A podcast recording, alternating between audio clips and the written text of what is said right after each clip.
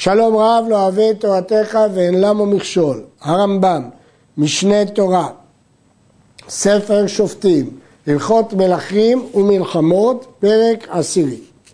בן נוח ששגג באחת ממצוותיו פטור מכלום, חוץ מרוצח בשגגה, שאם הרגו גואל אדם אינו נהרג עליו, ואין לו עיר מקלט, אבל בתי דיניהם אין ממיתים אותו. כלומר, שוגג בבן נוח פטור. מאיפה לומדים את זה? הגמרא במסכת מכות דנה שאבימלך לא היה אומר מותר, כי הוא היה צריך לדעת שזאת אשתו של אברהם, הוא היה צריך לחקור, אבל מכאן משמע שאם היה שוגג גמור, פטור. חוץ מרוצח בשגגה, גם הוא פטור, אבל אם הרגו גואל אדם, אין לו, לא נהרג עליו, ואין לו עיר מקלט, ובזה הוא שונה מישראל. במה דברים אמורים בשוגג באחת ממצוות ועבר שלא בכוונה? אבל כגון שבעל אשת חברו ודימה שאשתו פנויה, כמו אבימלך, שחשב שאשתו של אברהם היא פנויה, אבל אם ידע שיש את חברו, ולא ידע שהיא אסורה עליו, אלא עלה ליבו שדבר זה מותר לו, ועל זה הגמרא אומרת שאבימלך היה צריך לחקור, וכן אם הרג והוא לא ידע שאסור להרוג, הרי זה קרוב למזיד ונהרג, ולא תחשב זו להם שגגה, מפני שהיה לו ללמוד ולא למד. אם כן, בן נוח נהרג, על אומר מותר, כי היה לו ללמוד ולא למד. וזה מה שהגמרא אומרת. אבימלך, אכסנאי שבא לעיר על עסקי אכילה ושתייה, או שואלים אותו אשתך או אחותך. היה לו ללמוד ולא למד. אבל אם הוא שוגג גמור, לפי הרמב"ם הוא פטור, וכן הסכים גם הרמב"ן.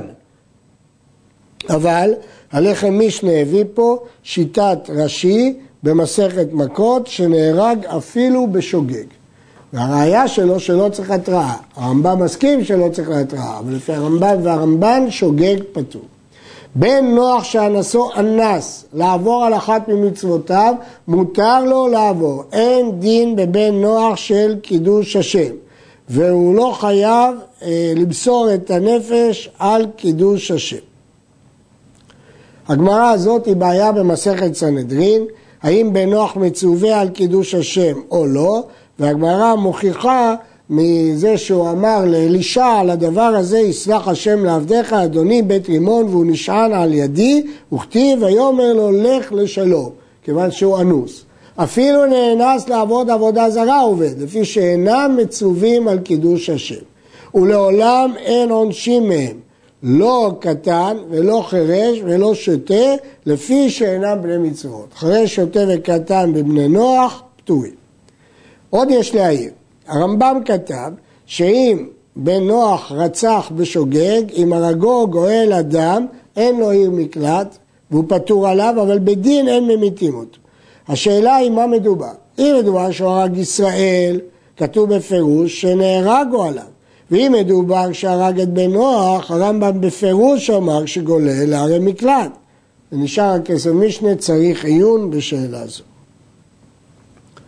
בן נוח שנתגייר, אומל וטבל, ואחר כך רצה לחזור מאחורי השם ולהיות גר תושב בלבד, כשהיה מקודם, הוא התחרט על הגרות שלו. אין שומעים לו, אי אפשר להתחרט. אי אפשר להימלט מהדת הזו, אלא יהיה כישראל לכל דבר או ייהרג. אם לפני כן הוא היה גר תושב, זאת זכותו, אבל אם הוא החליט להתגייר והתגייר, ואחר כך רצה לחזור, הוא כבר כמו ישראלי שחוזר.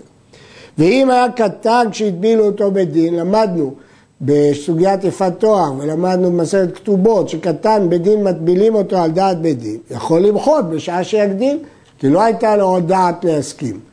ויהיה גר תושב בלבד. וכיוון שלא מחה בשעתו, אם עברה שעה שהוא היה גדול ולא מחה, שוב אינו ממחה, אלא הרי הוא גר צדק.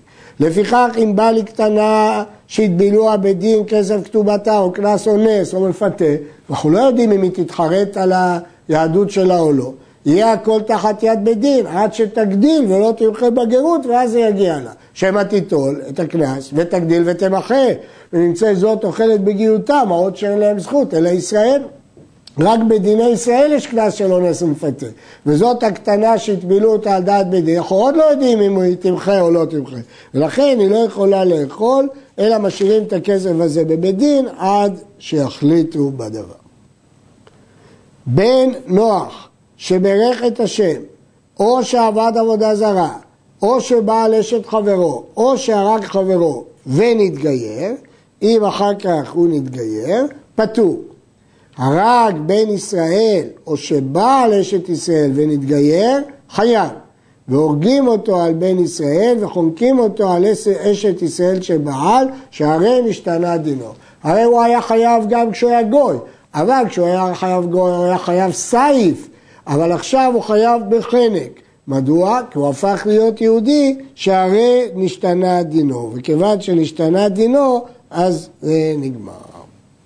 אם כן נחזור, בן נוח שעבר עבירה והשתנה דינו, אם העבירה הזאת את השם או עבוד, עבד עבודה זרה, או בעל אשת חברו, שהרג חברו ונתגייר, אז הוא פטור. אבל אם הוא הרג בן ישראל, או שבעל אשת ישראל, אז כל הדין שלו משתנה רק בעונש, אבל לא משתנה בעצם הדין.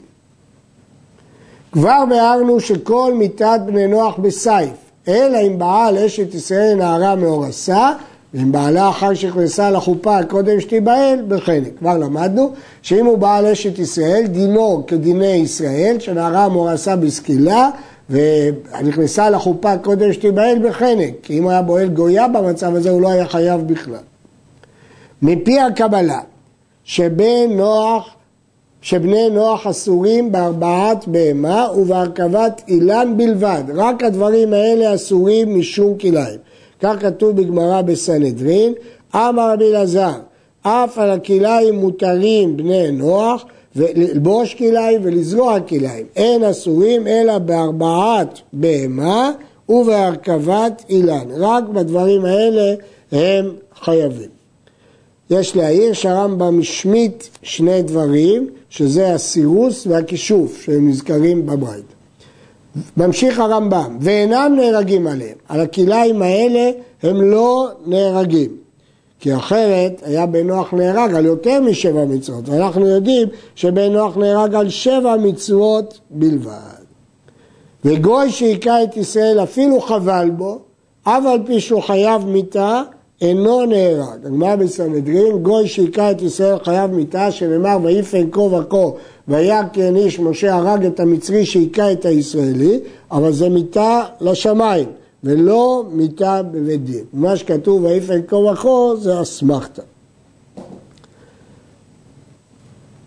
המילה נצטווה באברהם וזרעו בלבד, שנאמר אתה וזרעך אחריך לדורותם. יצא זרעו של ישמעאל, למרות שהוא גם זרעו של אברהם, שנאמר כי ויצחק יקרא לך זרע. כלומר, בהתחלה הוא זר אברהם לך ולזרעך, אז יצאו כל שאר בני העולם. אחר כך נאמר כי ביצחק יצאו בני ישמעאל. ויצא עשיו שהרי יצחק אמר ליעקב וייתן לך את ברכת אברהם לך ולזרעך בכלל שהוא לבדו זרעו של אברהם המחזיק בדתו ודרכו הישרה והם המחויבים במילה. כיוון שנאמר לך ולזרעך יצאו כל הגויים, נשארו ישמעאל ועשיו, כיוון שנאמר כי ביצחק יקרא זרע יצא ישמעאל, כיוון שיצחק אמר ליעקב לך ולזרעך יצא עשיו ולכן רק בני יעקב חייבים במילה. אמרו חכמים שבני קטורה שהם זרעו של אברהם שבאו אחר ישמעאל ויצחק חייבים במילה. והואיל ונתערבו היום בני ישמעאל בבני קטורה, יתחייבו הכל במילה בשמיני, ואין נהרגים עליה. לכן יש חידוש של הרמב"ם בבני קטורה, שבני קטורה שהם זרעו של אברהם, שאחרי ישמעאל ויצחק, חייבים במילה. אבל למרות שהם חייבים במילה, הם התערבו. אז הייתי חושב שכיוון שהתערבו נלך אחרי הרוב. לא. כיוון שהתערבו אז כולם חייבים. שואלים המפרשים, למה לא נגיד שבא סנהדרין וערבב את האומות? אבל הרמב"ם אומר שכיוון שבבני ישמעאל מעורבים בני קטורה, ואין לא, לא שייך פה כל די פריש מרובה פריש, כי זה קבוע, אז כולם חייבים במילה בשמיני, לא כפי שהם נימולים. אבל לא נהרגים עליה, כפי שאמרנו כבר, נהרגים רק על שבע מצוות. גוי שעסק בתורה חייב מיתה, כתוב אמר רבי יוחנן גוי שעסק בתורה חייב מיתה ומה שלמדנו שאפילו גוי שעוסק בתורה הרי הוא ככהן גדול זה בשבע מצוות שלהם ולכן ממשיך הרמב"ם לא יעסוק אלא בשבע מצוות שלהם בלבד ואז הוא ככהן גדול אם הוא עוסק במצוות שלהם אבל לא בתורה שנאמר תורה ציווה לנו משה מורשה קהילת יעקב היא מורשה שלנו מורשה שלנו וכן גוי ששבת אפילו ביום מימות החול, אם עשה אותו לעצמו כמו שבת, חייב מיתה. ואין צריך לומר אם עשה מועד לעצמו. אם גוי חידש לעצמו שבת או חידש לעצמו מועד, חייב מיתה. בגמרא כתוב שגוי ששבת במלאכתו חייב מיתה, שנאמר יום, ו... למה? אומר רש"י שנאמר יום ולילה לא תשבות, לא ישבות. כללו של דבר, אין מניחים אותם לחדש דת ולעשות מצוות לעצמם מדעתם, אלא או יהיה גר צדק ויקבל כל המצוות, או יעמוד בתורתו ולא יוסיף ולא יגרע. ואם עסק בתורה, או שבת, או חידש דבר, מקין אותו ועונשים אותו ומודיעים אותו שהוא חייב מיתה זה, אבל לא נהרג, כי אמרנו שנהרג בבית דין זה רק על שבע מצוות בני נוח. על שאר הדברים הוא חייב מיתה בידי שמיים, אבל לא נהרג. אז למדנו פה שני דברים, האיסור של גוי לעסוק בתורה והאיסור של גוי לחדש שבת לעצמו או מועד לעצמו. יש להעיר שמדברי הגמרא, יש לקיש, משמע שהטעם יום ולילה לא ישבותו. מדברי הרמב"ם פה מודגש יותר שהטעם שהוא מחדש לו דת, מחדש לו מצווה. לכולי עלמא, אם הוא סתם בטל במלאכה במקרה, ודאי שלא יתחייב. כמובן דווקא אם הוא עשה את זה כשבת או כמועד. בן נוח, שרצה לעשות מצווה משאר מצוות התורה, כדי לקבל שכר, אין מונעים אותו לעשות אותה כהלכתה. אומר הרדווז, אבל אם הוא רצה לעשות באומרו שהוא הצטווה עליה, לא נותנים לו. כי הוא לא הצטווה עליה, אבל אם הוא עשה כדי לקבל שכר כמי שאינו מצווה ועושה, יכול. הרדווז מוסיף שהוא מסתפק לגבי תפילין, ספר תורה ומצוות, שזה מצוות שצריכים קדושה וטהרה, האם להניח להם לעשות. נמשיך ברמב"ם, ואם הביא עולה, מקבלים ממנה. זה מפורש שמקבלים עולות מן הגויים, דווקא עולה הבאה בנדבה, לא עולת חובה, אלא עולת נדבה. נתן צדקה, מקבלים ממנו. ויראה לי שנותנים אותה לעניי ישראל, הואיל והוא ניזון מישראל, ומצווה עליהם לאחיותו, כיוון שמדובר בגר תושב, שאנחנו מחיים אותו, אז מותר גם מהכסף שלו להשתמש לעניי ישראל. אבל הגוי שנתן צדקה, מקבלים ממנו ונותנים אותם לעניי גויים. גוי שנתן צדקה, מקבלים אותם מפני דרכי שלום, אבל לא נותנים אותם לישראלים. מפני חילול השם, יבוש קצירה תשברנה, אלא נותנים אותה לעניי גויים. חייבים בית דין של ישראל להעמיד על פי משפט... להעמיד שופטים לאלו הגרים התושבים, לדון להם על פי משפטים אלו כדי שלא ישחט העולם. זה תפקיד של עם ישראל להעמיד בתי דינים לגרים ותושבים לדון לפי ההלכות שלהם. אם ראו בדין שיעמידו שופטיהם מהם, מעמידים, ואם ראו שיעמידו להם מישראל, יעמידו, או שהם מעצמם יעמידו שופטים, אה, או משלנו יעמידו להם שופטים.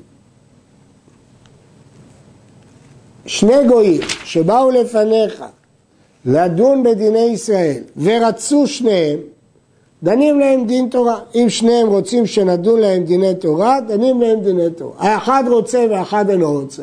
אין כופים אותו לדון, אלא בדיניהם, הוא לא חייב לדון בדיני תורה. היה ישראל וגוי, אם יש זכות לישראל בדיניהם, דנים לו בדיניהם, ואומרים לו, קח דיניכם. ואם יש זכות לישראל בדיננו, דנים לו דין תורה, ואומרים לו, קח דיננו. ויראה לי שאין עושים כן לגר תושב, אלא לעולם דנים לו בדיניהם. בגר תושב, לפי דעת הרמב"ם, דנים רק בדיניהם.